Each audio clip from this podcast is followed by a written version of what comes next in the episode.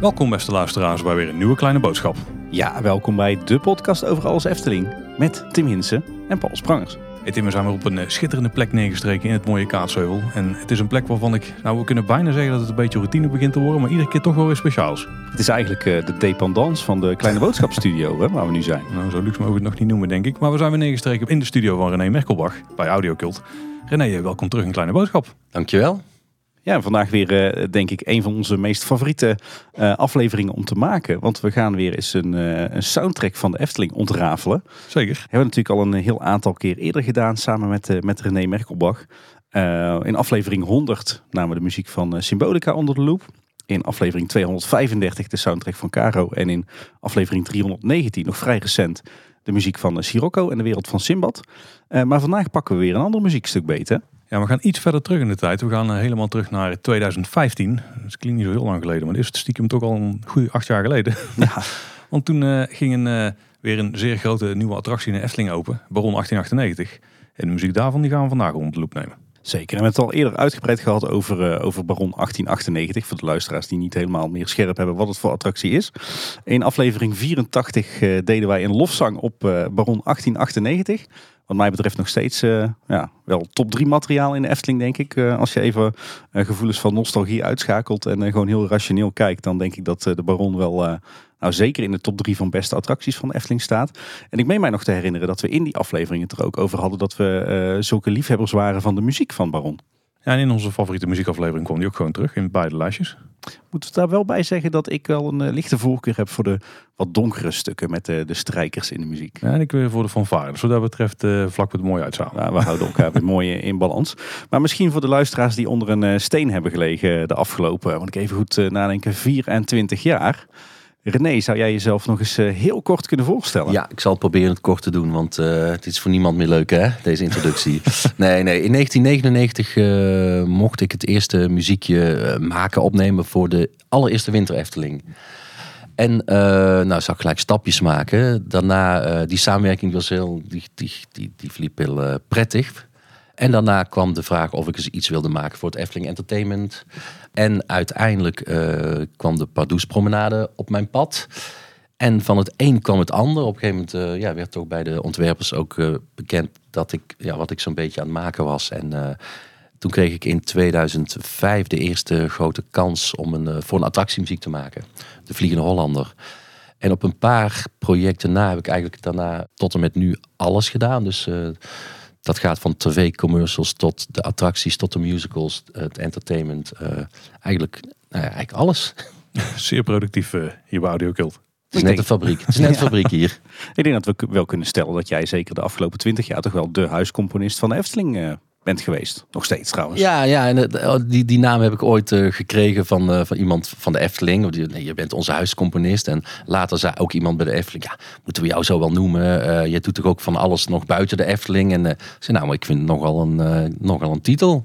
Ik ben er wel trots op. Ja, want stiekem ben je ook een klein beetje Efteling-liefhebber, toch? Nou, ik ben een heel groot Efteling-liefhebber. En gisteren was ik toevallig met een groepje collega's in de Efteling. En toen liep ik zo rond en eh, dacht, verdorie, eh, het is ook trouwens heel ernstig. Want soms ehm, eh, hoor ik muziek ergens vandaan komen. Of drie, vier muziekjes uit de verschillende hoeken. En soms moet ik dus echt even denken van, waar komt dit dan vandaan en wat is dat? Gisteren zei ik trouwens tegen collega Marco, we waren bij Fabula. En ja, nou, nou is het echt net of ik aan het dementeren ben. Maar ik zei, waar hebben wij Fabula opgenomen? zei hij, ja, gewoon bij jou. We hadden zes strijkers en die hebben heel veel laten dubben, op de laagjes laten spelen. En daar is dus een vrij groot eh, orkest uitgekomen. Ik zei, oh ja, dat is ook zo. Maar er is zoveel gebeurd de afgelopen eh, jaren. En het is ook zo, eh, best veel mensen vragen van, hoezo heb je dan zoveel werk voor de Efteling? Want ze komen toch af en toe maar met een nieuwe attractie. Mensen hebben, en dat hoeft ook niemand eh, in de gaten te hebben, maar mensen hebben niet in de gaten dat er eh, een YouTube-kanaal is waar vaak muziek voor wordt gevraagd. Er worden CD's uitgebracht. eh, gewoon die hele mediaafdeling, uh, muziek voor in het park, een, een promo hier en daar. Het is eigenlijk ja, vrijwel fulltime komen er aanvragen vanuit de Efteling. Dus, dus het is soms wat veel. Kan niet, ik kan gewoon niet meer alles onthouden. Ik ben 57, hè? Ben je al 57? Ja, ja Zou je die jaren beginnen te tellen. Oh, dankjewel. maar, maar, maar jij doet nog meer dan alleen Efteling muziek schrijven, toch? Ja, ja, ja. ehm, nou, eh, dit jaar en ook het jaar eh, en ook vorig jaar heb ik muziek geschreven voor ehm immersieve filmvoorstelling in Madrid. Daar heb je een heel groot. eh, in in, in Amsterdam heb je bijvoorbeeld Fabriek Lumière. Dat kennen sommige mensen wel. Je moet je voorstellen een ruimte van eh 500 vierkante meter, waarbij je eigenlijk in de projectie staat. Dus de wanden wordt op geprojecteerd, maar ook de vloer. Eh, die wanden zijn 8 meter hoog.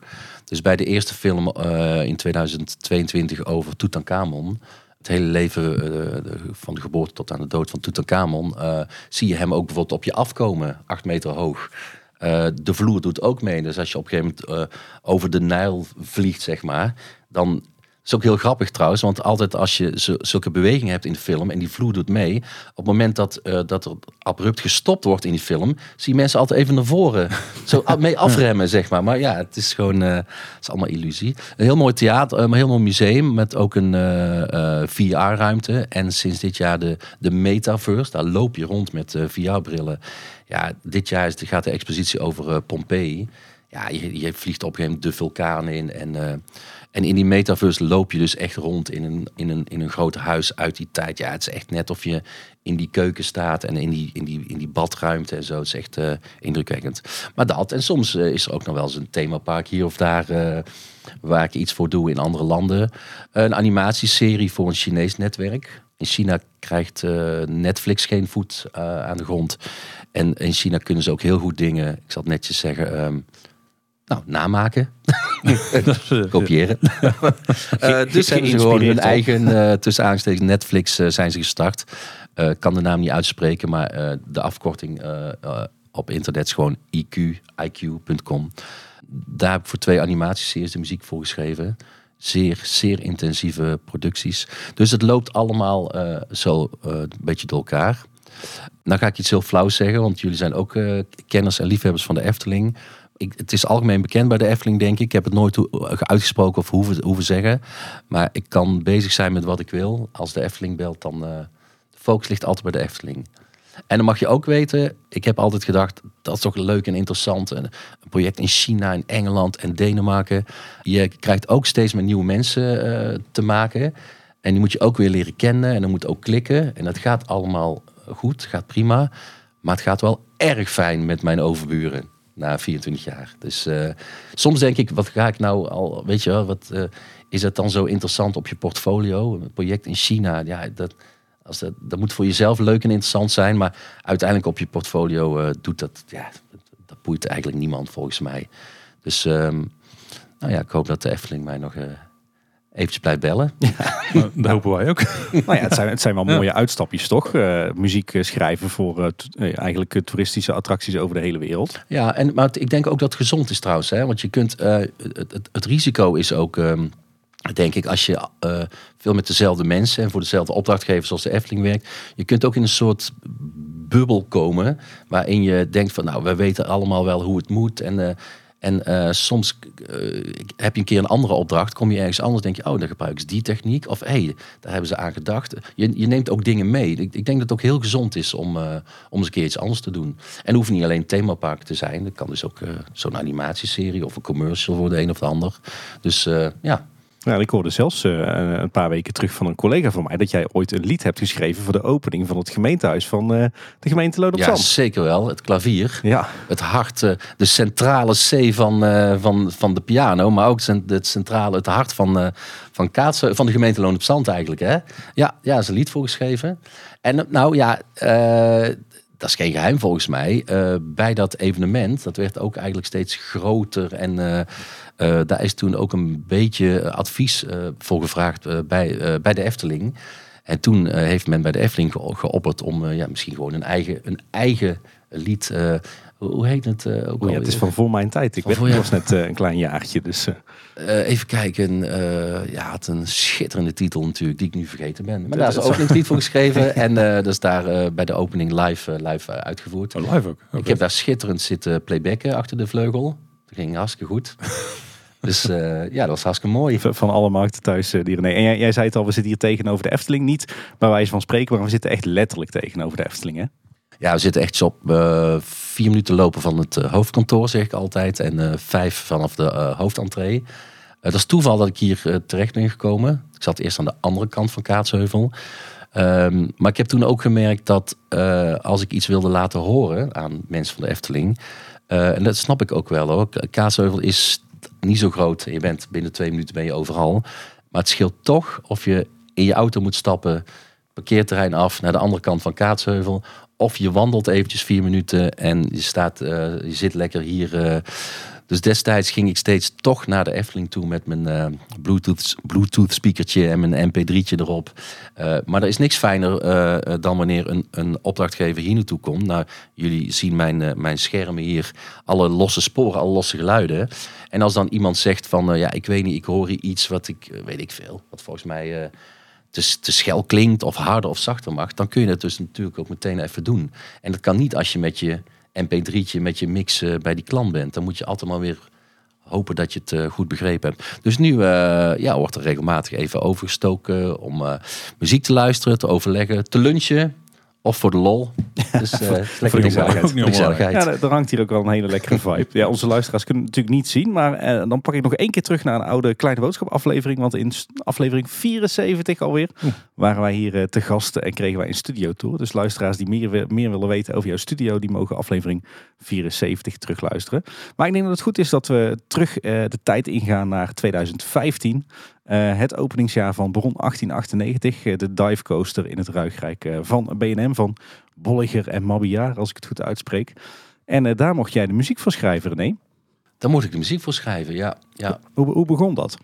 Nou, um, dat begon met, nou, zoals altijd krijg je dan een, een eerste introductie en een briefing over, um, over de attractie. En daar komt bij mij ook altijd de eerste schrik. Kijk, ik kan uh, natuurlijk net doen alsof ik uh, al uh, al honderd jaar Oosterse muziek maak, zoals voor Sinbad en harmoniemuziek voor Baron. Maar dat is natuurlijk niet zo. Dus terwijl dat weten de ontwerpers ook niet, terwijl ze dan heel enthousiast vertellen. Hè, ik ben dan ook heel enthousiast, maar ondertussen denk ik al, oh mijn god. Wat gaan we nou toch weer, weet je wel? Nou goed. Um, dan wordt dat dus uitgelegd. Sander de Bruin uh, heeft dat toen, uh, de, de, ontwerp van de Efteling heeft dat toen uh, ontworpen en die briefing gegeven. Ja, dan ga je al heel snel kijken naar wat voor gebied is het, wat voor attractie, welke ruimtes zijn er, zeg maar, en, en wat hoort daar dan bij. Daar is best wel serieus gekeken naar of het moest worden wat het nu is nou ja, het is weer dan ga ik heel veel stappen verder. Maar er is ook een remix uh, gemaakt door uh, Hardwell bijvoorbeeld. Maar het is ook best wel eventjes. Dat, dat, hoeft, soms gaat het tien minuten daarover, soms gaat het drie dagen daarover. Ook even gekeken of uh, Baron 1898 echt wel zulke authentieke muziek moest hebben. Of misschien wel veel moderner. Zou het voor het eerst zijn in de Efteling. Dat je muziek hoort die je in eerste instantie niet zou verwachten, misschien. Uh, dus daar is wel naar gekeken. En dan heb je dan zo'n super uh, lelijk woord voor. Hybride heet dat dan. Hè? Dus om toch eens te kijken wat er zou gebeuren als we iets met orkest zouden opnemen. En toch, toch misschien nog iets meer input van bijvoorbeeld Hardwell. Die zou zeggen, nou ja, als ik, ik, heb niks met orkest te maken. misschien kunnen we dit of dit toevoegen. En dat zou dan eventueel ja, een mix uit kunnen komen van, nou ja, noem het maar, synthesizers en orkest en zo. Uiteindelijk um, uh, is daar echt, echt goed naar gekeken. En toen heeft men gezegd, nee, we, we doen gewoon wat je, nou, wat je erbij verwacht eigenlijk. Uh, um, en zelfs daarbij is nog een twist gegeven. Eigenlijk luisteren we naar uh, vrij authentieke, klassieke harmoniemuziek. Maar wel met strijkers, wel met violen erbij. Die zitten natuurlijk hm. niet in een harmonieorkest. dus op een gegeven moment moet je ook gaan kijken, gaan we gewoon een relatief uh, klein harmonieorkestje daar laten spelen. Alsof ze daar bij wijze van spreken in een hoekje, je hoeft ze niet te zien, maar alsof ze daar aanwezig zouden zijn. Uh, maar uiteindelijk hebben we toch gezegd, ja, maar dit, deze attractie van deze omvang en uh, statuur, ja, daar, daar moet je niet een klein harmonieorkest bij zetten. Laten we dan maar gewoon, maar gewoon uitpakken, zeg maar. Ook die, groot, die, die grootheidswaanzin van die baron natuurlijk. Hè? ja. Daar hoort natuurlijk ook een harmonieorkest XL bij. Want, want zat dat meteen al in jouw briefing? Er moet, een, uh, het moet door een harmonie gespeeld worden? Of, of is dat, heb je dat later zo zelf bedacht? Nee, dat wordt, ja, het is al later bedacht, maar er wordt wel, wel gelijk gekeken naar, kijk, de, de, referenties voor, eh, voor, de, voor het hele ontwerp en zo komen ook uit die, die tijd van die Limburgse mijnen. En daar is ook bezoek eh, aangebracht door mensen van de Efteling. Bezoek gebracht naar het museum daar en gesproken met mensen die daar hebben gewerkt en eh, om, die, om die sfeer op te snuiven. Eh, dus daar hoort uit die tijd ook, eh, ook ja, een bepaalde muziek bij. Dus dat was wel, wel eh, vrij, snel, vrij snel duidelijk. Dus daar moet je dan wel weer in gaan duiken, zeg maar. En ik zal het nooit, denk ik, dan helemaal authentiek. maar het, het, het ruikt ernaar, zal ik zo zeggen. Ik, noem het dan Efteling eigen muziek. zoals ook Sinbad natuurlijk. Ja, ik, hebben, een aantal mensen hebben het gelu- geluisterd die verstand hebben van die muziek of daarin zitten.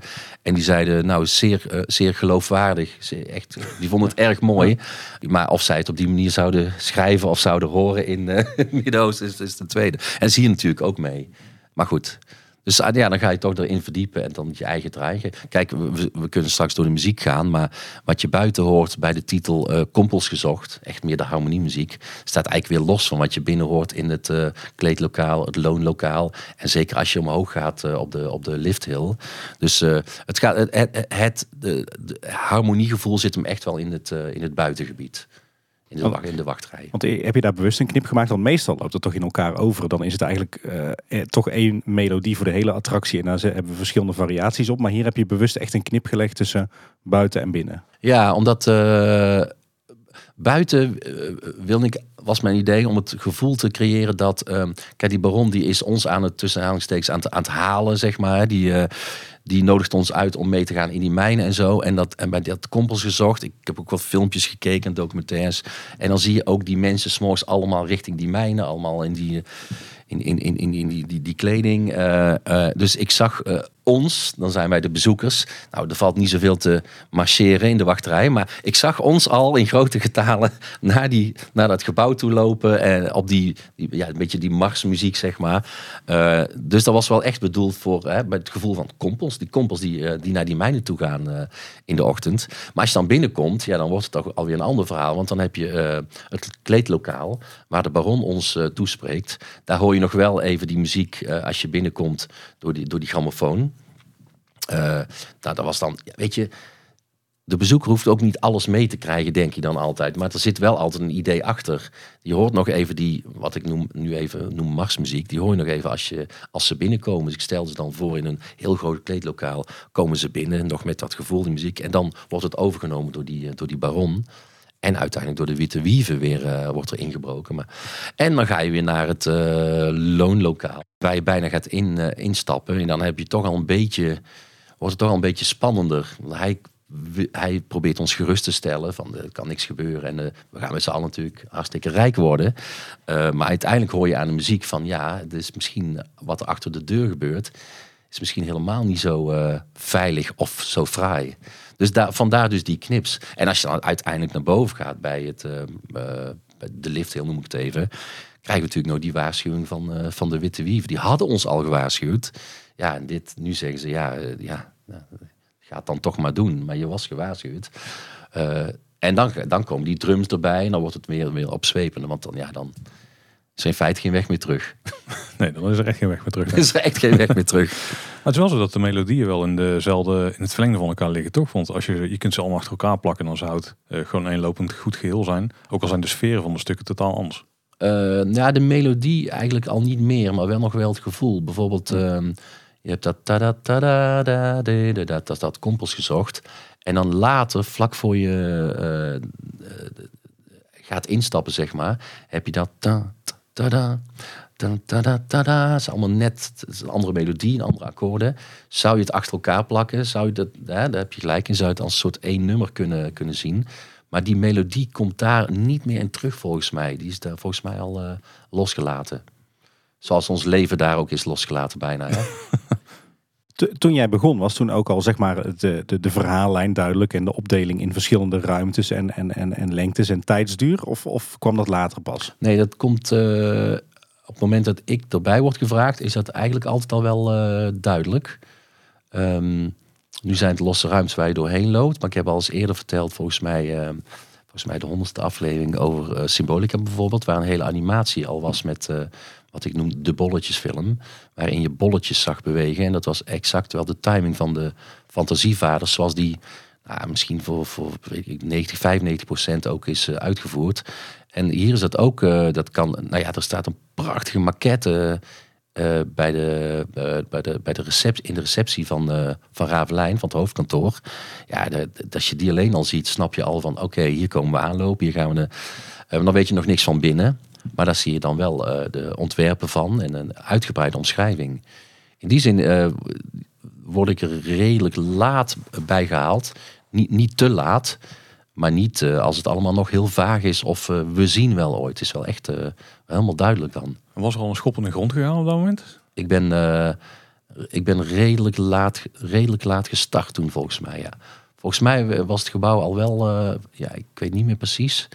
Maar ik meen me te herinneren dat het al wel in aanbouw was, ja. De, de ja. mijn was natuurlijk Ik had geen jaar, laat ik het zo zeggen, van tevoren. Ja. maar, volgens mij zo'n 15 maanden gebouwd inderdaad, ja. Ja, nee, dan was er zeker al gebouwd toen ik uh, erbij werd gevraagd. Toen je naar huis liep na die eerste briefing, je had eigenlijk nog niks. Wat, wat gaat er dan om in jou? Heb, heb je dan meteen zoiets van, van varen? Of hoe gaat dat? Ja, dat wel. En uh, ik zeg altijd van, uh, ik, ik ga niet heel veel muziek beluisteren, want ik ben altijd bang daar te veel door beïnvloed te worden. maar ik heb toch wel even op Spotify gezocht op harmonie en ook uh, marsmuziek en zo. En dan, zal ik nu iets vertellen wat niemand weet, maar echt niemand. Uh, je hebt allerlei soorten, het zijn ook marsen die ze spelen eigenlijk. Hè? Je hebt nu ta da ta da da da ta. Maar mijn allereerste ideetje, uh, daar heeft nooit iemand gehoord, uh, was meer een, was een, een, het ritme van een Engelse mars. En dat was meer ta da ta tunt tan tan. Een heel ander gevoel. En, maar ja, daar werd ook een beetje was ook wel luchtig en vrolijk, maar werd ook een beetje uh, ja, militaristisch op de een of andere manier. Um, uh, ik heb het wel een keer aan iemand laten horen en die zei van ja, ja, ja dat militarisme snap ik, maar ik krijg ook een beetje uh, kabouter plop uh, meets Benny Hill gevoel. Ik dacht, dit is niet goed. Dit is niet goed. Je moet ermee stoppen. Um, dus dan heb ik dat ritme zo aangepast en de melodie bleef gewoon hetzelfde. En uh, dat heb ik gepresenteerd uiteindelijk bij de Efteling. En dat, uh, ja, dat, viel, dat viel goed. Ja, heb je die eerste demo ook nog liggen van de Studio 100 versie? Die heb ik uh, waarschijnlijk weggegooid. en anders gooi ik hem weg voor jij hem daar kunt vinden in mijn computer. maar het was weer in één keer raak dus? Het was weer in één keer raak. Ja, verdorie. Altijd als jullie dat zeggen, dan klop ik af. Hè? het is tot nu toe in 24 jaar altijd in één keer raak geweest. Behalve, uh, dat was ook voor een groot deel raak, Symbolica dus. Jullie hebben ooit die eerste demo gehoord. En die was wel in één keer raak qua gevoel. Alleen ik had daar zoveel wendingen in, in de muziek, omdat ik ook dacht aan de wendingen binnen Symbolica. Uh, je denkt dat je rechtdoor gaat en dan draai je om en ga je een andere kant op enzovoort enzovoort. En toen heeft de toenmalige projectleider, directeur Imagineering, Olaf Vught, die zei toen van ja, ik, ik snap het wel, maar ik vind het uh, iets te onvoorspelbaar. Zei ik zou toch liever willen, het mag nog steeds verrassend zijn. En ook per ruimte andere sferen. Maar ik zou toch liever iets meer willen dat wat je verwacht dat er komt in de muziek, dat het ook een beetje wordt, uh, wordt ingelost. Dus, uh, maar dat is de enige keer in 24 jaar dat ik ja, nou ja, niet helemaal opnieuw moest beginnen, maar even ja, demo een beetje aan de kant moest schuiven. Je, je piste ja. een klein beetje naast de pot om maar het thema van uh, de podcast net, te blijven. ja, ja, ja, precies. Ik pist... De rand wordt wel nat. Ik zat, ja. vlak, zat er dichtbij hoor, maar... Uh... Waar zo'n bron ligt dan de focus initieel op het hoofdthema en de rest vloeit daar uit? Of hoe is dat daar? In eerste instantie als je begint... Uh, ligt voor mij dan de focus op een, een hoofdthema. Want ik moet het eerste gevoel wel uh, ook presenteren. Ik, ik heb niet meteen uh, alle scènes, scènes noem ik het even, hè, de verschillende ruimtes niet gepresenteerd begin dan altijd met, met het, ja, wat ik noem het hoofdthema. En als mensen zeggen, want, want je kunt, ik kan uh, uh, meteen voor alles muziek aanbieden. Maar dan ben je soms ook al te ver heen. Want als het eerste gevoel voor het hoofdthema niet goed is. en ik heb daar allerlei ja, varianten of afgeleiden van gemaakt. dan zit ik vier keer fout, zeg maar. Dus begin dan met het hoofdthema. en dan ga je kijken van ja, wat komt er in de volgende ruimte. En is dat een variatie hierop of iets heel anders? En, dus ik begin dan wel altijd met de, ja, zeg altijd heel stom, het, het deuntje. heeft iemand bij de Efteling gezegd, je moet dan niet zeggen een deuntje. Het is veel meer dan gewoon een deuntje. Ja, maar in mijn hoofd begint het als een deuntje. Wat te neurien of de piano wat te spelen en dan... eh, dus daar begint het dan mee. Dus eerst het hoofdthema, ja. En wanneer viel hier het kwartje? Was het s'nachts in bed of in de Ja, douche? Of, nou, eh, ik weet het echt niet meer. Dat kan. eh, ah, ik hoor het vaak aan mijn eh, opnames op de iPhone. Dan hoor ik of ik in de auto zat, of dat de, de douche nog aanstaat, of eh, dat het heel stil is. Dan eh, ligt dus in bed. Ik weet niet meer wanneer. Ik, ik, ik heb hem ook zeker niet meer, want dat wil je natuurlijk allemaal weer horen, Tim. Zeker. Maar eh, ik denk niet dat ik die nog heb. Maar eh, ik, ik weet niet wanneer die, eh, wanneer die precies eh, viel. Is het wel zo dat je nu tegenwoordig wel dat soort dingen bewust bewaart, omdat je weet dat de kleine boodschap nog een keer aan de studio eh, poort alles wordt hier, eh, zit hier in archieven. eh, KB-archief is hier, eh, is hier eh, aanwezig. Dan maakt het nog meer een Nepentans studio inderdaad. Ja. Ja, Ja, precies. sowieso. We hebben het ook. Volgens mij was Baron ook de eerste, jouw eerste project voor de Efteling, waarbij je echt een enorm uitgebreide soundscape ook hebt gemaakt, toch? Ja, nou ja, daarvoor, nou wel zo'n uitgebreide ja. We hebben wel natuurlijk wel het een en ander gedaan, bijvoorbeeld bij Joris en de Draak. Daar hoor je beneden, als je moet kiezen tussen water en vuur, hoor je al wat eh, eh, mensen die zich gereed maken voor de, voor de, voor de strijd hè, tegen de draak. En buiten hoor je ook al het een en ander. En je hoort de draak dus onder andere. Maar zo uitgebreid, eh, dan moet ik echt even denken, wat er tussen, tussendoor is gekomen. Weten jullie misschien zo? Ja, tussen Joris en de Draak en Bijvoorbeeld. Baron zat, zat Ravelijn. Ja, Ravelijn is natuurlijk ook wel een, daar is wel, een- wel een wereld gecreëerd. Ehm, ja, ik kan natuurlijk niet alles verklappen. Maar laat ik het zo zeggen. eh, de ruiters komen achter ons voorbij op de tribune. En je kunt je afvragen of dat een fijne plek is om vijf paarden doorheen te sturen. Eh, nou ja, dus ook een soundscape en eh, die is gemaakt. Het leuke, wat ik trouwens wel heel leuk vind aan, aan soundscapes maken bij de Efteling. Anouk, mijn collega, heeft die hele wereld van Sinbad. Daar heeft ze een, een, een, natuurlijke omgeving eh, bij gecreëerd. Maar de Efteling is natuurlijk één grote natuurlijke omgeving. Dus het is echt serieus zo. Zij kan soms op een, eh, in een hoekje ergens eh, een verstopte speaker, daar kan zijn vogels uit laten eh, komen. Maar daar zitten dus ook echte vogels. En wij weten soms niet meer. Die, regen, die reageren daar dus ook op. Dus soms weet je niet meer. dat is dus natuurlijk ook helemaal de bedoeling. Wat nu echt is en wat nu niet echt is. Alles is natuurlijk echt, hè, beste luisteraars. Ik, soms kan, helpen we een beetje. ik, ik kan bij Baron echt genieten van de, de rinkelende telefoons, de typemachines, Ja, eh, ja in, zijn, in zijn kantoortje. Hè? Ja. Maar je mag ook weten, ehm, bovenaan als we op de, helemaal op de top zijn, zeg maar, vlak voor we naar beneden, dan hoor je die bel, hoor je tingelen. Maar we horen ook nog eventjes, vlak voor we stilstaan, een hoop gepiep en gekraak van het ijzer. En we worden op een soort rem gezet en die, ja, op een gegeven moment wordt die losgelaten. De bouwer van de, van de, de achtbaan, zeg maar, die, eh, de zoon van de bouwer, zit ook in het bedrijf, die kwam een keertje kijken en luisteren eh, vlak na de opening. En eh, mag je weten, die schrok zich helemaal wild. die dacht, dat gaat helemaal niet goed daarboven. Maar ja, die geluiden zijn... die baan was hartstikke nieuw. Die piept en die, die kraakte toen niet en nou nog steeds niet. Dus moet je soms een beetje mee helpen. Hè? Ja. Dat geldt volgens mij ook voor de, de, de remsectie vlak voor het station, toch? Ja, nou ja, dat is ook weer, eh, ook weer zo'n eh, goed bewaard geheim. Tot nu toe dan weer. Ehm, die ruimte is doodstil. Dus echt, ik vind Baron misschien- is misschien wel de soepelste baan. Toch? Ook als je erin Ja, zit. ja, ik zat er gisteren nog in. Die, die, ja, het soeft gewoon. Een super, super fijne baan. En ook als je aankomt, ja, dan zal hij wel even remmen. Je staat binnen no time stil. Maar eh, het lijkt natuurlijk een hele machinerie. Want we, hebben, we zitten, eh, als je erin gaat en je gaat ook naar boven. We zijn wel bij die gigantische eh, ophaalmachine. Die die lift naar boven en naar beneden brengt, onder andere. Dus van oudsher was er natuurlijk een hele hoop kabaal in die omgeving. Nou ja, daar hebben we ook een klein beetje eh, mee geholpen. Maar best luisteraars, heel veel van die geluiden zijn natuurlijk ook echt eh, daar aanwezig. Hè? De, de, de gons van de B&M, die is natuurlijk wel echt, hè? Sowieso, sowieso. Die, die zit bij jou niet in de, in de Nee. Mac. Nee, dat is allemaal... eh, Moet je heel veel speakers voor hebben om die langs heel de baan te kunnen laten horen. Ja. Nee, je moet, ja, en dan- dan zal ik je nog iets vertellen. Deze anekdote is zeer pijnlijk. Zeer pijnlijk voor mij, maar ik ga hem toch vertellen. Ehm, de bel van de, eh, op de toplift. Die bel is opgenomen, dus de authentieke bel uit de mijnen vroeger eh, in, uit eh, Limburg, is opgenomen in het Mijnmuseum in Limburg dus. Daar hadden ze ook een ophaalmachine, een groot deel daarvan ehm, hadden ze weten te bemachtigen. En die hebben ze helemaal gereviseerd.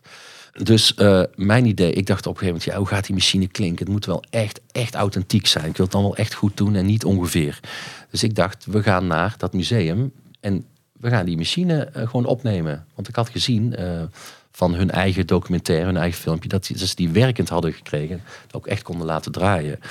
Um, dus ik heb contact gehad met een uh, meneer die dat uh, museum beheert. Ik zei, ja, ik wil, we zouden graag die machine opnemen op allerlei mogelijke manieren. Uh, ik heb een professionele geluidsman heb ik, daarvoor ingehuurd. Die neemt heel veel filmmuziek op en documentaires. Die zei, komt goed, ik neem dat ding van alle kanten op. En, dus ik zei tegen meneer, kan, die kunnen we dan toch horen, die ophaalmachine? Ja, die kun je zeker horen, zei hij, dus geen probleem. Oké, dus die geluidsman gaat daar naartoe. En die belt mij op en die zegt ik weet niet waarom ik hier precies eh, ben. ik zeg nou, om die machine op te nemen. Hij zegt, die ligt helemaal uit elkaar. ik zeg, maar ik moet nu hebben. We waren al een beetje in de mixfase in, uh, in de attractie. Ik zeg, ik moet dat geluid nu wel nu hebben. Hij zegt, nou, dat ding ligt, gaat, nooit, gaat voorlopig niet meer in elkaar worden gezet. Dus heb ik die meneer aan de telefoon gevraagd. Zei, u zei toch dat ik het kon horen, die uh, machine. Konden we het ook opnemen? Zei hij, nee, maar ik zet zometeen uh, de documentaire voor jullie aan. Ik zei, maar de documentaire, uh, ja, daar zit dan geluid in. Ik zei, ja, ja, nee, dat geluid zit er met een voice-over eroverheen.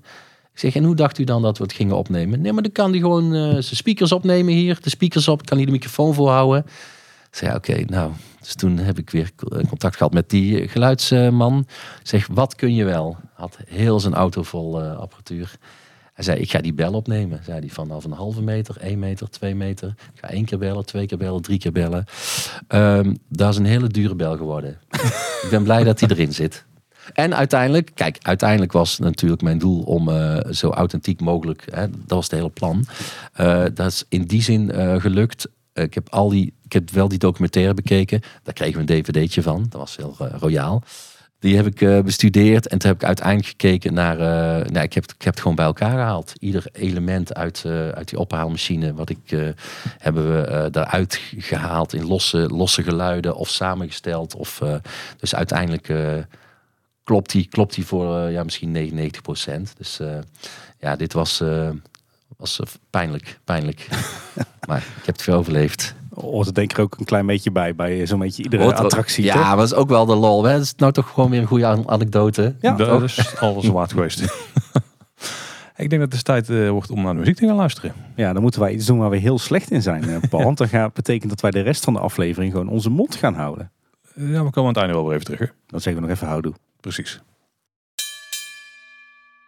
Mijn eerste demo, mijn eerste schets had een ander gevoel. Het was meer, ja, ik noem het meer iets meer huppelig, zeg maar het was ook iets te blij. Ik wilde ook een beetje meer... Uh, uh, nou, iets serieuzer wilde men bij de Efteling ook. Maar dan heb je hier mijn eerste schetsje, een stukje.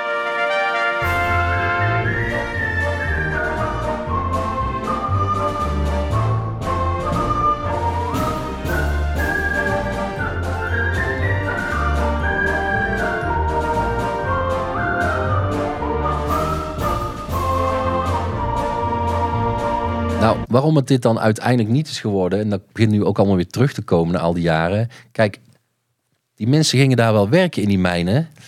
En als die al floten, dan was het omdat ze, nou ja, goed, uh, weet je wel, het is ook niet het gezelligste werk, hè, zo die mijnen in. Maar dit was wel helemaal gezellig, zeg maar. Dit was echt, uh, ik denk dat dit eerder zou zijn als ze naar huis gingen, fluitend. Dus uh, dit was toch wel iets te blij en iets te, iets te vrolijk. Dus, maar ja, in plaats van werd dan iets meer een, een mars, het, stapgevoel, zeg maar, het loopgevoel. Dit is het gevoel van, van wat het nu is. Het is ook een demo, dus dan is dit met geluiden uit de computer.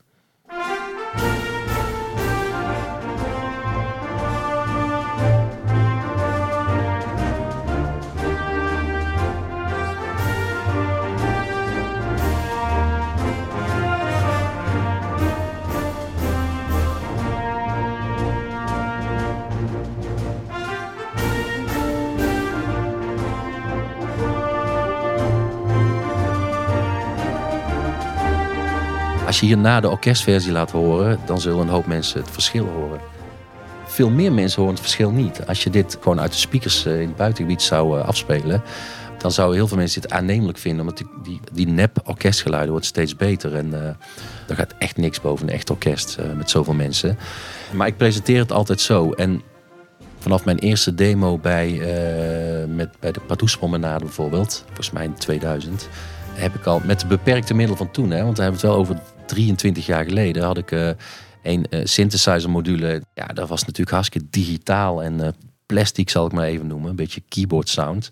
Ik had toen ook al tegen opdrachtgevers kunnen zeggen: Kijk, ik speel dit nu even met piano. Maar dit gaat heel mooi worden straks met orkest. Dat zou je hier ook kunnen doen. Je zou met uh, één pianopartijtje kunnen spelen. En dan, nou ja, goed. Zeggen we gaan met orkest opnemen. En dan gaan de fluiten dit doen en de koren dit. En, maar dat werkt niet, denk ik. Dus ik probeer het altijd al zo compleet mogelijk te laten klinken. Met die, met die nepgeluid dus. Maar ja, je hoort, het is al wel wel ongeveer wat het is geworden. Het is wel gefine-tuned, maar het is wel, uh, wel aardig in de richting.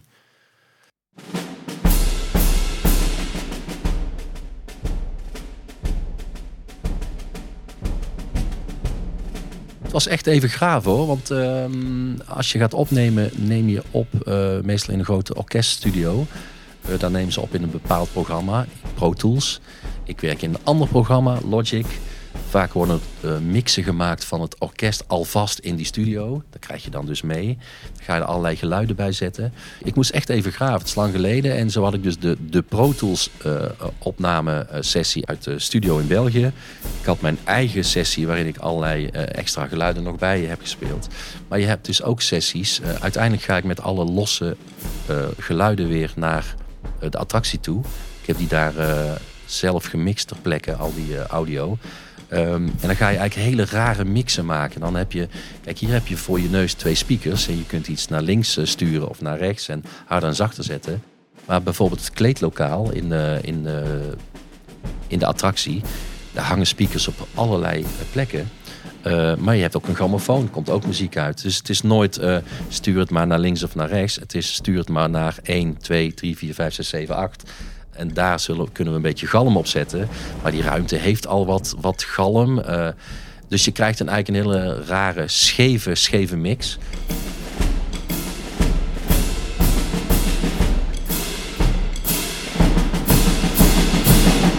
We, gaan eigenlijk terug naar de tijd van de harmonieorkesten en de fanfares en zo. Maar er waren altijd uh, alleen maar blaasinstrumenten. Ik vond het een beetje te karig om, uh, om, om alleen dat op te nemen voor zo'n groot uh, gebouw. Dus hebben het sowieso al aangevuld met strijkers. We hebben het een beetje, nou niet omgedraaid, maar uh, zeg maar aangevuld uh, in die muziek. En wat je, ik vond het echt passen bij, bij Kompels gezocht, bij die, die wandeling naar, naar het gebouw toe. Als we eenmaal binnen zijn, vertellen we eigenlijk het verhaal van, van die baron en van die witte wieven. dus dan heb ik dat weer losgelaten. En dan ga je wel echt over op, op een orkestgevoel. De, de, eerste die ik, ik dacht laten we vooraan beginnen. Dat is als je aankomt bij Baron 1898 in het, in het gebied eromheen. En ik heb hier een sessie gevonden um, met een, een loop. Deze is bijna anderhalf uur. En zou je zeggen, waarom zet je die muziek in een loop? Als, je, als het wat drukker is bij de Efteling en je moet wat langer wachten in de wachtrij, in de wachtreis zou ik liever zeggen. je kunt daar een muziekje aanzetten van één of twee minuten. Maar dat kan ook te veel herhaling eh, opleveren. Als je staat te wachten. Is wel de bedoeling dat mensen het uh, aangenaam vinden. Uh, het wachten is soms al niet zo leuk. Maar kan de omgeving maar beter leuk en interessant zijn. En de muziek niet uh, te veel herhalend. Dus dan maak ik vaak een loop zoals hier. waarin die muziek variatie heeft. waarbij je, en dan ga ik meteen even laten horen. Waarbij je hier bijvoorbeeld een stukje hebt met Kompels gezocht.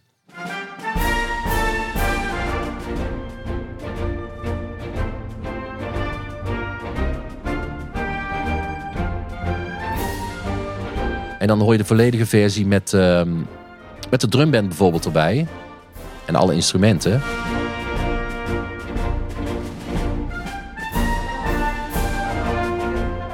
Nou is dat stukje niet zo heel lang, dus op een gegeven moment switch ik dan altijd binnen diezelfde loop noemen we dat dan, dat herhalende stuk.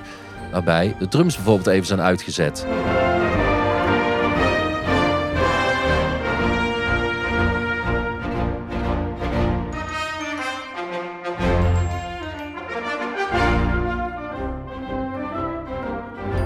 Probeer in ieder geval variatie aan te brengen. Waarbij je bijvoorbeeld ook de, de melodie even uitzet. Wel, wel de akkoorden hoort. Soms wel de drumband, soms niet de drumband. Om iets meer variatie eh, te creëren. En dan in dat hele stuk van de anderhalf uur. Dus dan heb je deze muziek.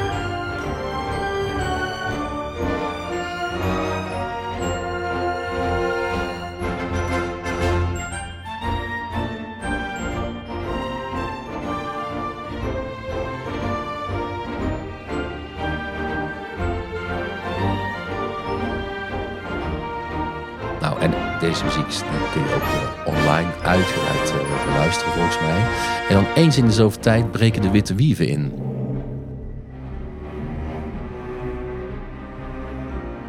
Dit is al een stukje van eh, het loonlokaal naar het instappen.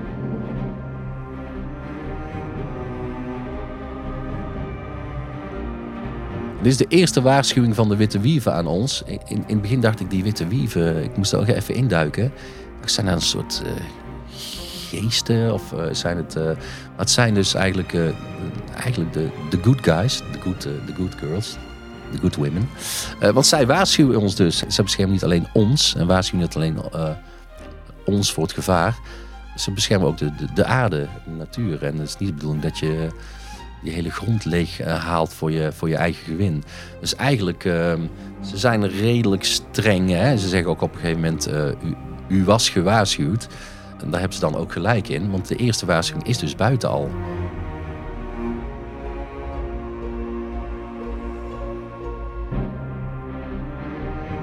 Dit is nog zonder tekst. Volgens mij zit alleen maar eh, A-klanken.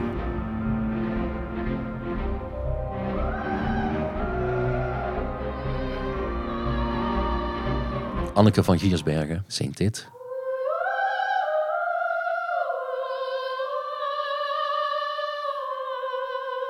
Wat ik hier heb gedaan, hoop ik echt dat ik het goed zeg nog, want het is inderdaad lang geleden. Volgens mij heb ik in dit gedeelte, bij de wachtrij hoor je eh, de muziek met percussie en alles erbij. En als je dan, dan heb je een loopje zeg maar tussen, dus eigenlijk onder de baan door. Ja, een melkhuisje, daar, als je daar doorloopt, dan hoor je dus, als je daar zou staan, dan hoor je links een eh, variatie waarbij ik het volgens mij het meest vol heb eh, gehouden. En dan rechts daarvan eh, een wat iets meer uitgeklede versie. Maar ondertussen, dat vind ik dus eigenlijk heel mooi. Daar, als je daar staat, hoor je de zang van de Witte Wieven niet of nauwelijks. Want die zang komt uit de put. Uit de, ja, dat heet ook de put, hè? Waar je uiteindelijk in, eh, in valt. Daar hoor je die, die zang uitkomen. Eh, daar zie je ook die mooie mist en zo uitkomen, die flauwe mist. En dan uiteindelijk aan het einde van dit stukje, dan hoor je een laatste ja, soort kreet, zeg maar. Eh, dat is als je er doorheen gaat ook nog, als je er doorheen valt. Je moet eigenlijk een beetje toch, ja, toch voor het melkhuisje gaan staan, wil je van alle kanten die verschillende versies horen.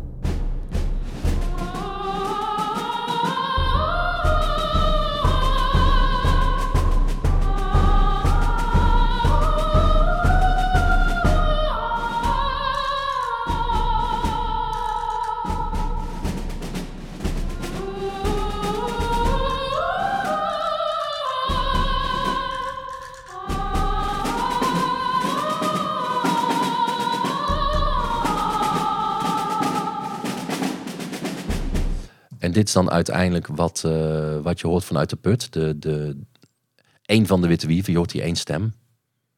Nou ja, dat stukje eindigt dan met... eh,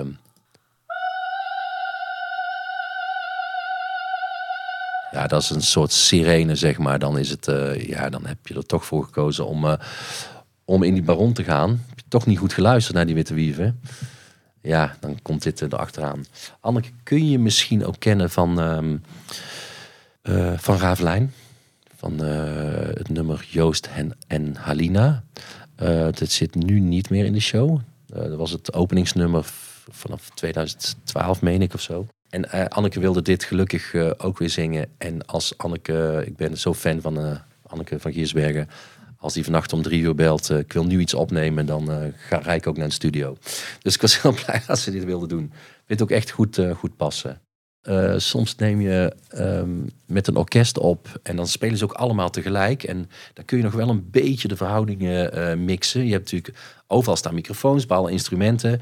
Heb je nog instrumentgroepen. Je, de, de, Patrick, de, de, de, De geluidsmixer die kan zeggen, nou laten we alle violen even iets harder zetten of alle blazers.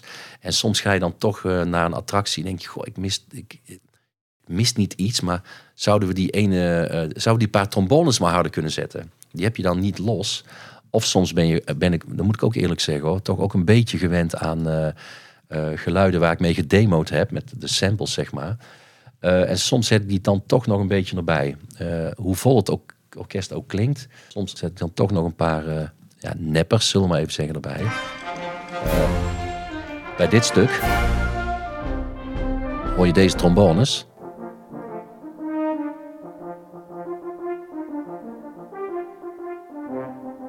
Nou, daar hoor je niks van, want er zit gewoon allemaal verstopt in het orkest. Maar zo heb je wel eens uh, wat geluid.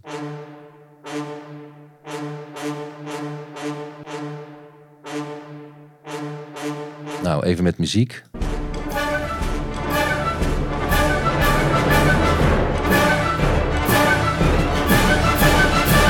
Soms zijn die, uh, die, die samples uh, in je computer, voor mensen die dat niet weten, kun je allerlei orkestgeluiden al uh, nou ja, in je computer laden, zeg maar. En dan onder je keyboard, onder je toetsen, kun je dan die, nou, die orkestgeluiden zelf inspelen. Er gaat niks boven een echt orkest. Maar soms heb je een, eh, een, een sample, zo'n geluid, ja, dat knettert dan zo. Uh, dat je dan denkt, nou, dan zetten we die gewoon nog een beetje erbij ter versterking. En omdat ik buiten wat variatie wilde, heb ik um, de lira, dat ken je wel in een, uh, in een harmonie van varen, zo'n stokje zeg maar, met van die mooie belletjes erop, waar ze met zo'n stokje op spelen. Uh, dit soort belletjes bijvoorbeeld worden dan nog toegevoegd om nog iets meer het wandelende harmonieorkest te benadrukken.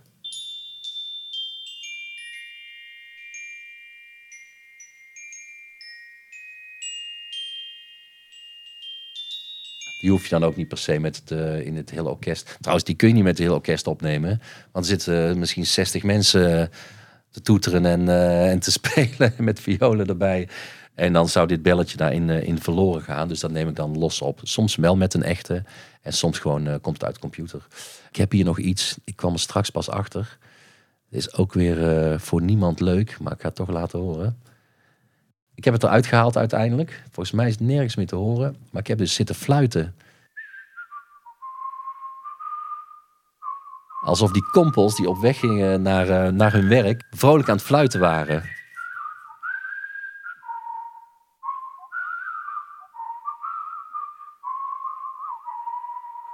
Dat zit er niet meer in volgens mij. Uh, uiteindelijk hebben we gezegd laten we het gewoon lekker uh, instrumentaal houden.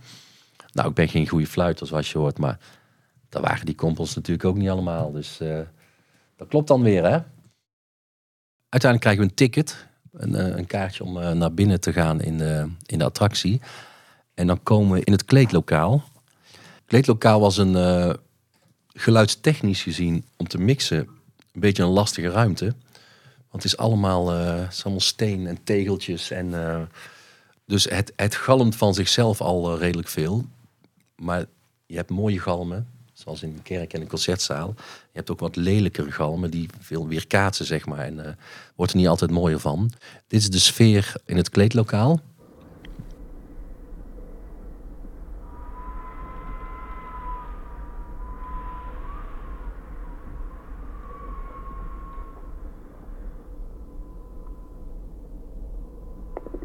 Kompels!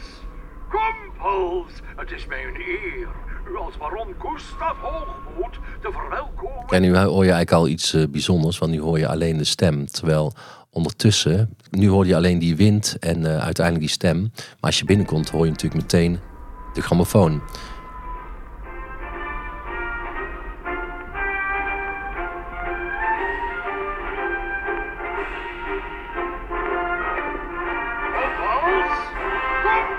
Je hebt dat grammofoongeluid, maar daaronder wil je natuurlijk ook dit soort effectjes. Alsof die naald, uh, ik weet niet of je het hoort, tikjes, uh, tikjes op de plaat bijvoorbeeld. En ik denk dat hier zelfs dit geluidje, moet ik ook even weer terug, terughalen. Dit is volgens mij zelfs het zetten van de naald op de oude LP.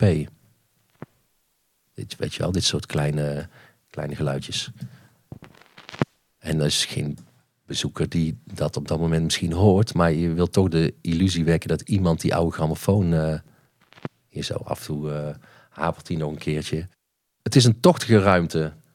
Toevallig niet zwijder staan, maar van oudsher waren dat niet de beste verwarmde eh, plekken, zeg maar. Dus we hebben een beetje een kille, winderige omgevingsgeluid gemaakt, atmosfeer gemaakt. Waarbij je ook op de achtergrond al de machinerie eh, hoort, zeg maar. Hè? De, de, de, ophaalmachine. Nou, wat ik zeg, klinkt wat, wat tochtig en eh, hier komt ook iets aan. Dit zijn de slides.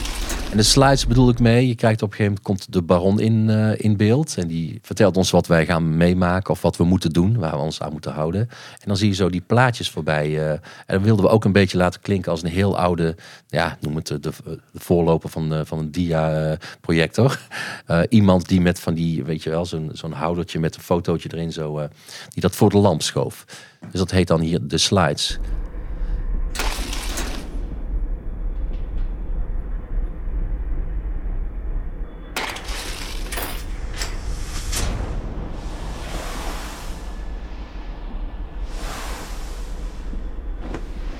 Een slide en dan is het groen. De witte wieven staan voor de natuur. En je ziet al die, die takken en bladeren en zo op een gegeven moment door de ruimte.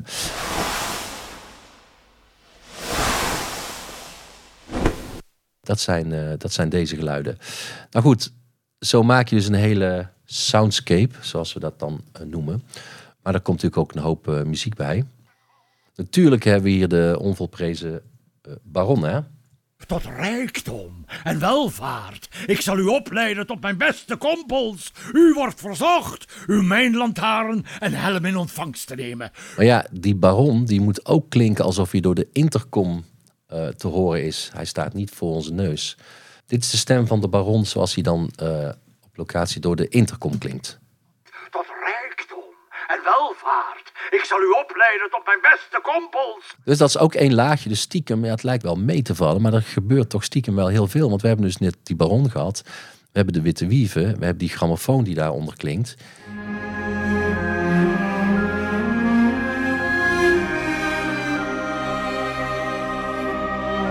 Dan ga ik hem nog een keer aanzetten. Dan ga ik je iets laten horen. Wat je nu dus hoort is ten eerste klinkt het heel schel eigenlijk.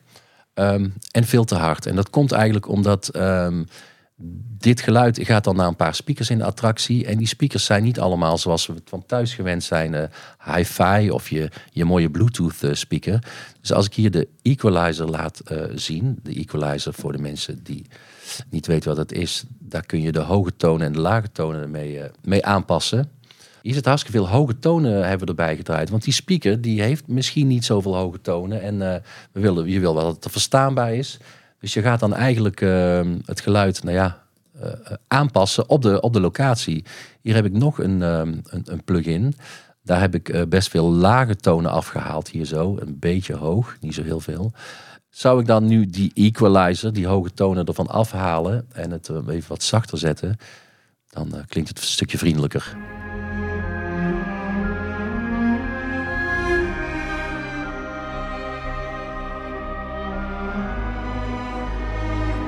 Wat ik dus wil zeggen, je kunt het zo mooi maken in je studio als je wil. Is ook leuk voor als eh, de Efteling het keertje wil uitbrengen. Op iTunes of Spotify enzovoort enzovoort. Maar in de attractie maak je hele andere, andere mixen. Ehm, hier heb ik ook nog, eh, als de witte wieven aankomen, waar je wil ik bijna zeggen. Dan doen ze dat op allerlei eh sounddesign, geluiden, wind.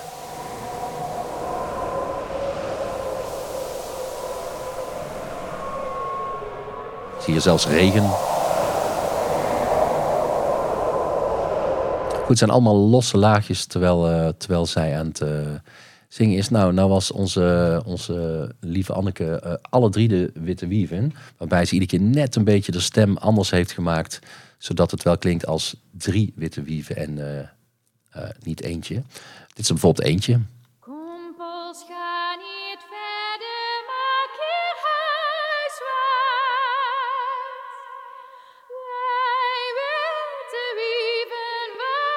bijvoorbeeld. En dan neem ik ook nog hier eh, een spoortje mee, de zang van Anneke, maar dan eh, zonder galm. Want je weet nooit ter plekke of je heel veel galm nodig hebt of heel weinig. Heel, heel, dit is echt te eerlijk, helemaal niet aantrekkelijk, maar eh, ja, zo gaat het ook mee naar de attractie. Kompels, ga niet verder, maar keer. Bijvoorbeeld. Nou, en dan hebben we hier... Anneke 1, Anneke 2 en Anneke 3 heb ik het hier genoemd. Eh, en dan hebben we dus drie eh, witte wieven samen.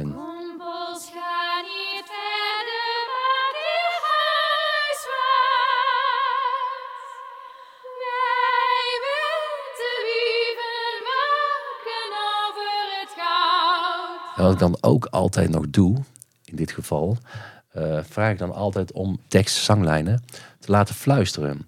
Want als je dat een beetje erbij zet, dan krijgt het een beetje een, een randje, zeg maar, maar ook iets, een beetje iets duisters.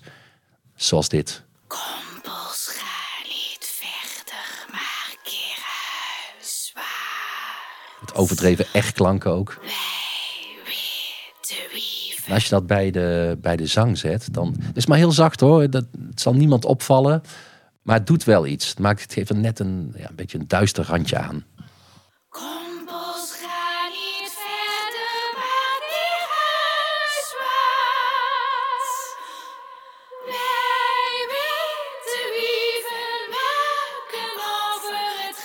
Zo ga je dat een beetje, een beetje bouwen.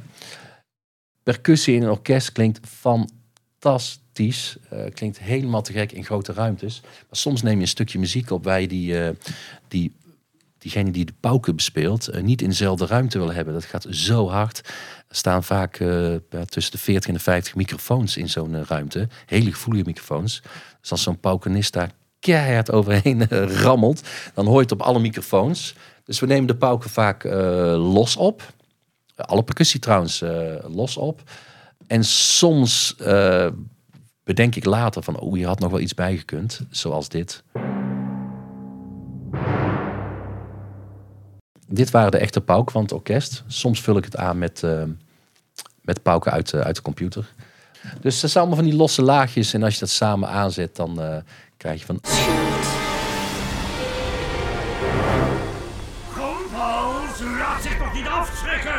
een schepping van bijgeloof en zinsbegoocheling. Kijk, en die baron, wij lopen al door naar het, eh, richting het loonlokaal. Maar die baron, die ziet ons wel lopen. Maar die heeft ook net eh, eh, gehoord dat die witwief ons probeert te waarschuwen. Die probeert ons eigenlijk nog even ge- gerust te stellen. Terwijl we dan naar de volgende ruimte lopen, horen we achter ons die grammofoon eh, eh, vrolijk doorgaan. En dan komen we in, ehm, in het loonlokaal.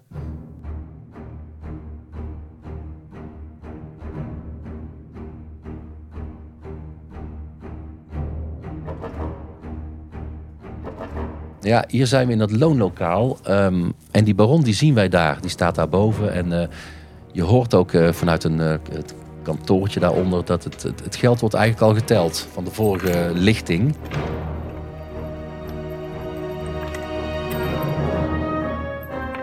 En je hoort het geld al rinkelen. Dus dat moet ons ja, eigenlijk overhalen om, om het ook zo goed te doen. Maar ondertussen lopen we wel langs een klein kantoortje. Eh, er komen geluiden uit het kantoortje, maar ook uit het, eh, eh, loket waar, het, waar het geld dus wordt geteld, waar hij boven staat. En dat wordt natuurlijk allemaal gemaakt en samengesteld. Nou ja, dan horen we dus de muziek als we daar staan. Beetje een variatie hè, op dat eerste thema. Maar het is het niet. Het, het raakt het thema aan van de kompels.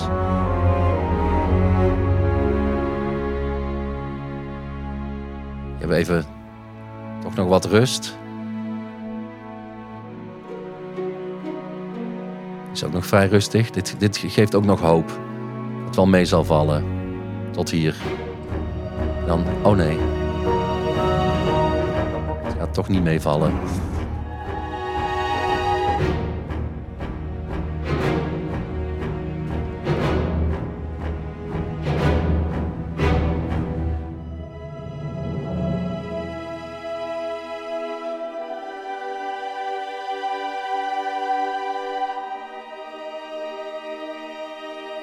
En we horen achter de deur ook dat er van alles gebeurt.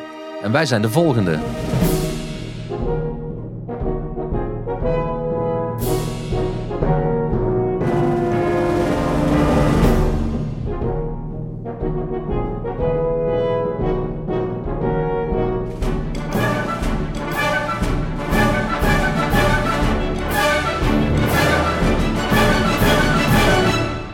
De deur open en dan eh, kunnen we niet meer terug. Dan moeten wij instappen. Terwijl die muziek eh, te horen is, hebben we natuurlijk die baron die ons maar... eh, die is al een stuk minder vriendelijk hier, hè? Die is ons maar aan het aansporen. Nou, niet aan het aansporen. Die geeft ons gewoon instructies. Opstellen in rijen van drie rijen van zes. Opstellen in rijen van drie ter voorbereiding op de afdaling. Nou, zijn jullie volgens mij ook wel kenners van eh, attractie? Volgens mij hebben wij dat aangepast. Drie rijen van zes in plaats van rijen van drie. Want het zijn geen rijen van drie. Dus dit is dan toch een, eh, een, een, een oudere opname. Eh, en dan wordt dan op een gegeven moment zegt iemand, ja, dit, is, dit klopt niet. En dan moet er toch soms ook dingetjes een keertje eh, opnieuw. Delf voor mij het goud en rijkdom zal u ten deel vallen. Ik weet van eh, de samenwerking met Paul van Gogh. Men zocht naar eh, de stem voor eh, de baron. En volgens mij is meneer Paul van Gogh wel een hele bekende baron. Dus de vraag zal even zijn geweest, willen we die baron? Of doet ons dat te veel denken aan nou ja, zijn karakter in Bassie en Adriaan bijvoorbeeld. Maar ze hebben toch bij de Efteling uiteindelijk hem benaderd... omdat hij zo'n fantastische stem daarvoor heeft. En eh, nou, hij heeft het gewoon heel goed gedaan. Wat is de opbrengst van de vorige afdaling? Hij heeft eh, later, heb ik begrepen, eh, ook nog stukjes in het Engels gedaan. In eerste instantie nog niet. Maar ehm, ja, die meneer is gewoon de baron geworden, hè? baron 1898. Uiteindelijk gaan wij gaan we naar binnen. En dat, dat, ja, kijk, wij, ik moet het altijd maar een naam geven. Ehm, bij mij heet het de baron eh The Ride Through. Nou, dat zal best een veel mooiere naam voor zijn. Maar in eerste instantie moet ik eh, voor mezelf ook even snappen. Kijk, kijk die tekeningen te zien en ontwerpen. Maar ik heb heel veel moeite mee om. eh, je kent wel mensen die kunnen een, een, eh, een leeg gebouw binnenkomen. En die zien dan voor zich hoe ze dat gaan indelen en welke kleuren. En ik vind dat heel lastig als ik ontwerpen zie of schetsen. ik snap het dan nog niet meteen. En als ik dan het gebouw uiteindelijk keer binnenkom, denk ik: oké, zo zit het. Maar uiteindelijk gaan we, gaan we eigenlijk daar eh, naar binnen, daar, daar waar de ophaalmachine ook eh, vlakbij staat. En daar waar we gaan zitten. eh, voor we naar boven gaan.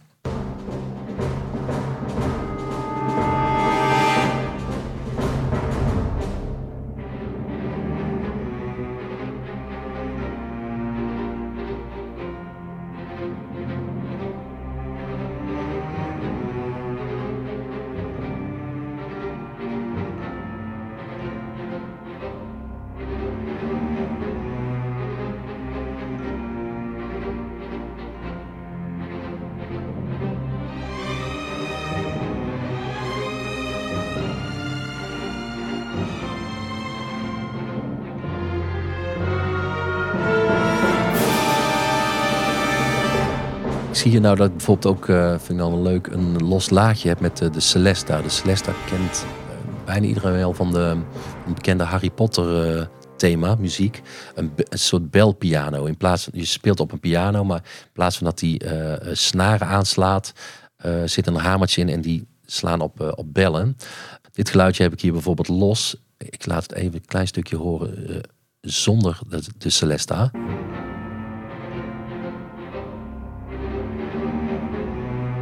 Laat ik even los de Celesta horen. Laat ik zo meteen samen horen. Dat is dit.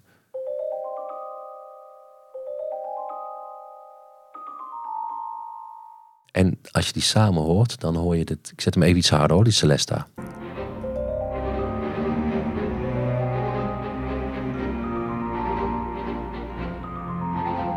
Dit soort geluidjes neem ik vaak los op, eh, achteraf op omdat je hebt in de, in de attractie de mogelijkheid om die, die, die instrumenten of die muziek of die effecten naar allerlei speakers eh, te sturen. En die, die hangen op eh, soms op een goed, goede gehoorafstand. Maar soms zijn ze ook echt helemaal verstopt. eh, in het decor bijvoorbeeld.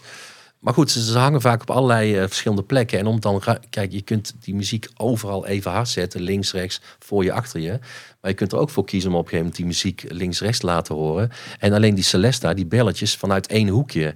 En een andere hoek misschien weer een ander instrument. En daardoor wordt het veel ruimtelijker. Tot toch een beetje meer alsof je in de muziek zit dan dat je naar de muziek eh, eh, zit te luisteren. Maar goed, op het moment dat jij op die, eh, die ophaallift zit en je, je kijkt naar boven, dan is niemand meer bezig met mijn belletjes, denk ik. Maar toch, toch maar erin gezet. Zo heb ik hier ook nog een extra laagje percussie.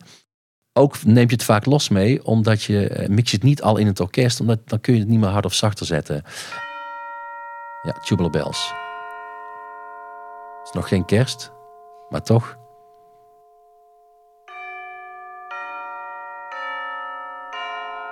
We denken altijd aan kerst, hè? maar Ennio Morricone was er ook gek op in zijn, eh, in zijn cowboy, in zijn western eh, scores.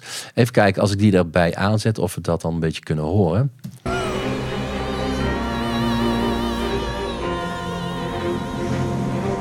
Komt hij aan.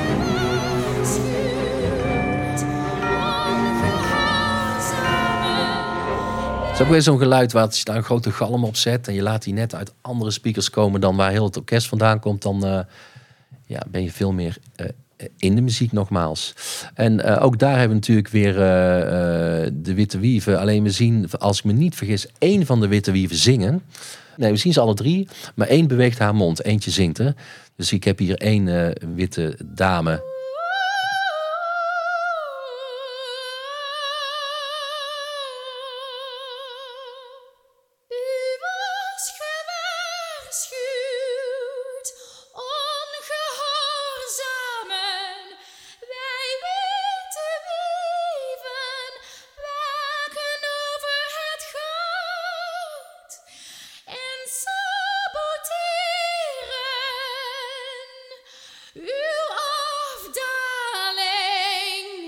Als je denkt, eh, als je dit nu luistert, want eh, heel veel mensen gaan dit natuurlijk weer luisteren, al met koptelefoon hopelijk, dan klinkt het allemaal mooi. En als je nou zou denken, het klinkt toch allemaal wel een beetje schel en veel hoge tonen, hier zie je ook weer, als je mee zou kunnen kijken, dat ik die equalizer aan heb, heel veel hoge tonen bij heb gedaan, omdat die, soms zit die speaker, wat ik net zei, een beetje verstopt in het decor. En dan als je, iets, als je iets voor een speaker zet of hangt, dan komen die hoge tonen natuurlijk niet doorheen. Dus dan gaan we overdreven veel eh, hoog erbij ehm, bij draaien. En eh, soms komen daar ongelukjes van. Soms blaas je dan ook wel de, de tweeter van de speaker eh, op. Dan denken we meer, meer, meer. En op een gegeven moment is er helemaal geen hoog meer. En dan zegt er iemand, ja, het is weer zover. Dan moeten we weer een beetje, een beetje dimmen. En daarachteraan, achter dit wat zij nu zingt, heeft zij natuurlijk de gesproken tekst. Waarbij ze, ja, dan weten we wel hoe laat het is, hè? Hoogmoed komt voor den val. Nou, dat hoor je zo droog als het maar kan. Dit is Anneke gewoon in de studio. En later eh, eh, op locatie ga je dan een, ehm, ga daar effectjes, eh, effectjes bij zetten. Ook hier heeft ze net als bij in het loonlokaal het zangdeel nog mooi gefluisterd. Het een beetje achter elkaar aan. Het is niet helemaal tegelijk. Nou goed, dan maakt het allemaal een beetje mystieker, zeg maar. Ehm, en dan hebben we natuurlijk eh, alle befaamde geluiden uit, eh, van de ophaalmachine. Nou, ik heb net volgens mij verklapt, die hebben we zelf samengesteld. Met allerlei verschillende geluiden. Het is gewoon de algemene eh, sfeer als je, als je instapt, het instapstation, inclusief de, de ophaalmachine. Dan hoor je hier allerlei machines. Je hoort stoom, je hoort nou ja, wielen draaien.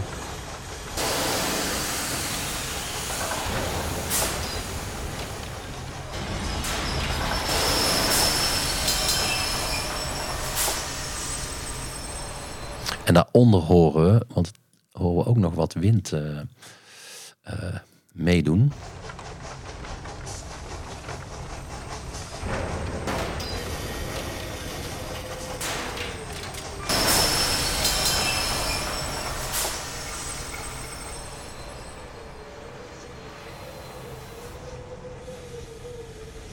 Kijk, dan de, de, de luisteraars de volgende keer natuurlijk niet heel erg nauwkeurig op die eh, ophaalmachine geluiden en zo gaan zitten letten.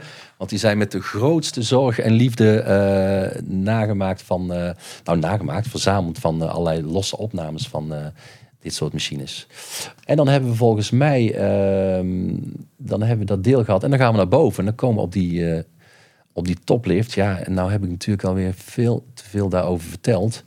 Want dan komen we boven. En om het spannend te maken wilden we toch een beetje de suggestie wekken dat dit hele, die hele kar, trein, hoe je het wil noemen, machine waar we in zitten, piept en kraakt van alle kanten. Ik wilde eigenlijk ook eh, de suggestie wenken dat op het moment dat je stil hangt, dat we eigenlijk nog, nou ja, aan één kabel zouden hangen, zeg maar. eh, En dat we zouden hopen in die, eh, volgens mij is vijf seconden ongeveer, voor je wordt losgelaten.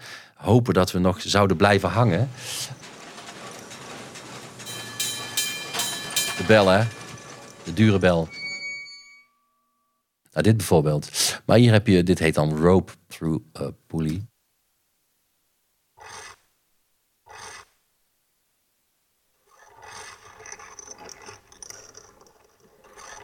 En hier begint al van alles mee te kraken.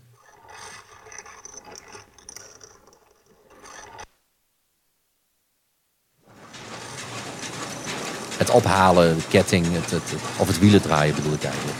Ja, en op een gegeven moment krijgen we metal squeaks. Want dan, eh, ja, dan lijkt het toch echt wel alsof het eh, allemaal niet zo lekker gaat. Het is natuurlijk ook een heel, oud, eh, heel oude machine.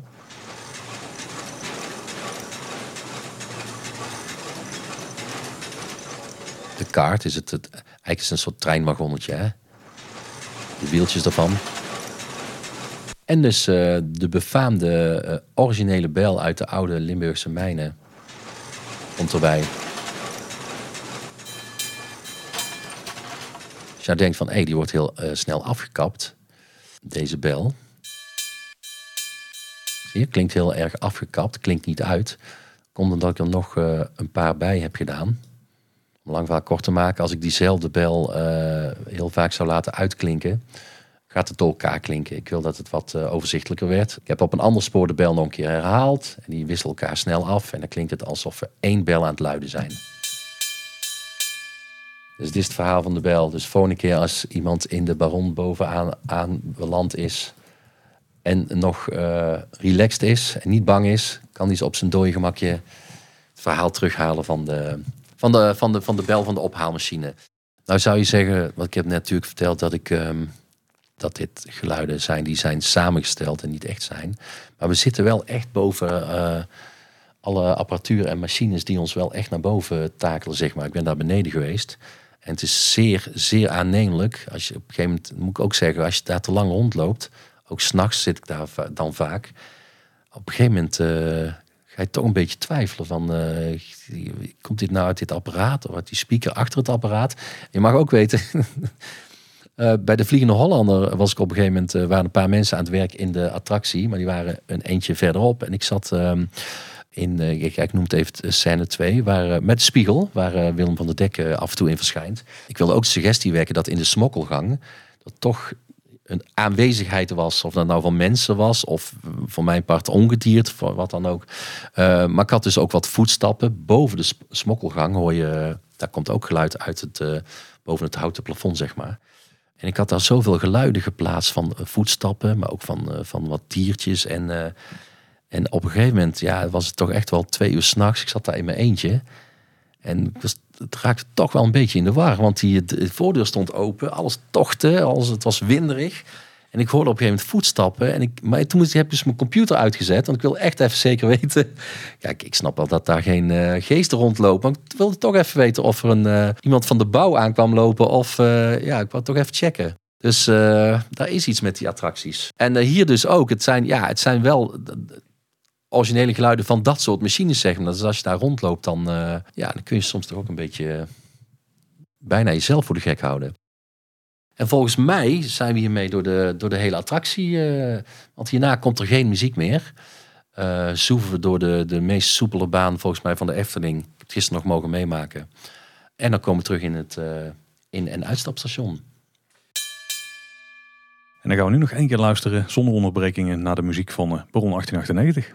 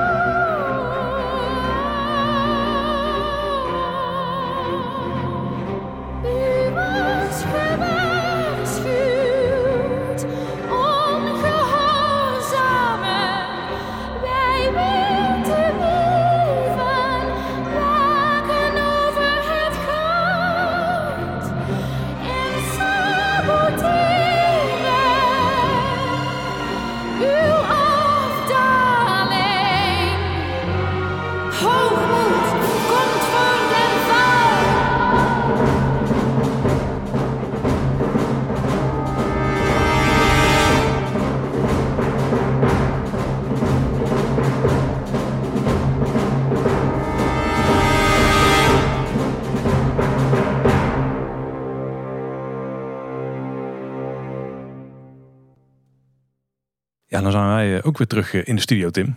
Al zaten er stiekem heel de tijd naast natuurlijk te genieten. Net als de luisteraars van alle muziek eh, van Bron 1898. Ja, ik zat met een glimlach van eh, oor tot oor. hoor. Ik zag hem af en toe, ja. Ja, ja, ja, ik kan daar zo van genieten. Zeker inderdaad dat stuk met die strijkers en dan die soundscape erbij. eh, met die mijngeluiden en die kantoorgeluiden. Echt, echt heerlijk. En ik vind van die, die trucjes die je uithaalt, René, met dat je die, bijvoorbeeld die gelaagdheid bij die zang van Anneke dan hebt, maar ook met het fluisteren erbij. Dat soort kleine Ja, ja, het zijn altijd van die dingen, als ik het nog mag zeggen, die eh, het valt niemand op totdat je het uitzet.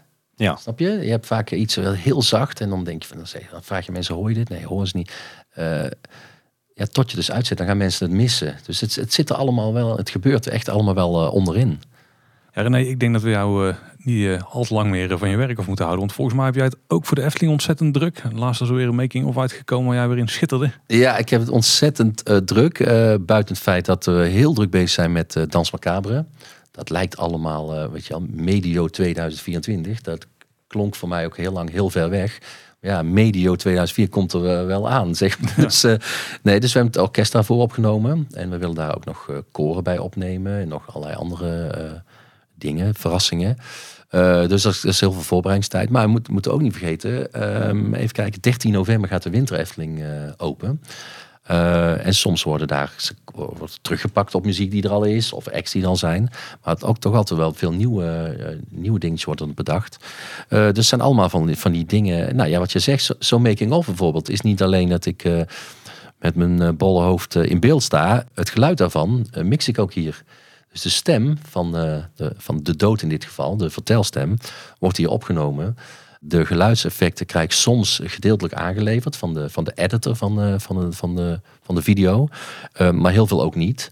Eh, dus dat komt dan hier naartoe, wordt dan ook weer gemixt. Dus op de achtergrond, buiten de dingen die, eh, waar je wel eens iets over leest, gebeurt er continu van alles. eh, ja, waar ik, ik, ik, word van de straat gehouden. ik denk dat de. Efteling subsidie krijgt om mij van de straat te houden. Vanuit de gemeente dan weer. Vanuit de Ja, gemeente dan weer, hè? Dat is mooi, Het klavier zijn we weer rond. dat is mooi dat wij er al mee betalen dan. Ja, precies. Nee, Ik wil het toch nog wel even heel kort terugpakken naar Baron dan. Als je het hebt over wat je allemaal nog meer doet. Ik heb vanochtend eh, met de meiden ter voorbereiding op, eh, op dit gesprek... heb ik eh, nog even het verhaal gekeken van Baron 1898. Het ge- geacteerde verhaal. Ik geloof dat het een YouTube video is van 13, 14 minuten.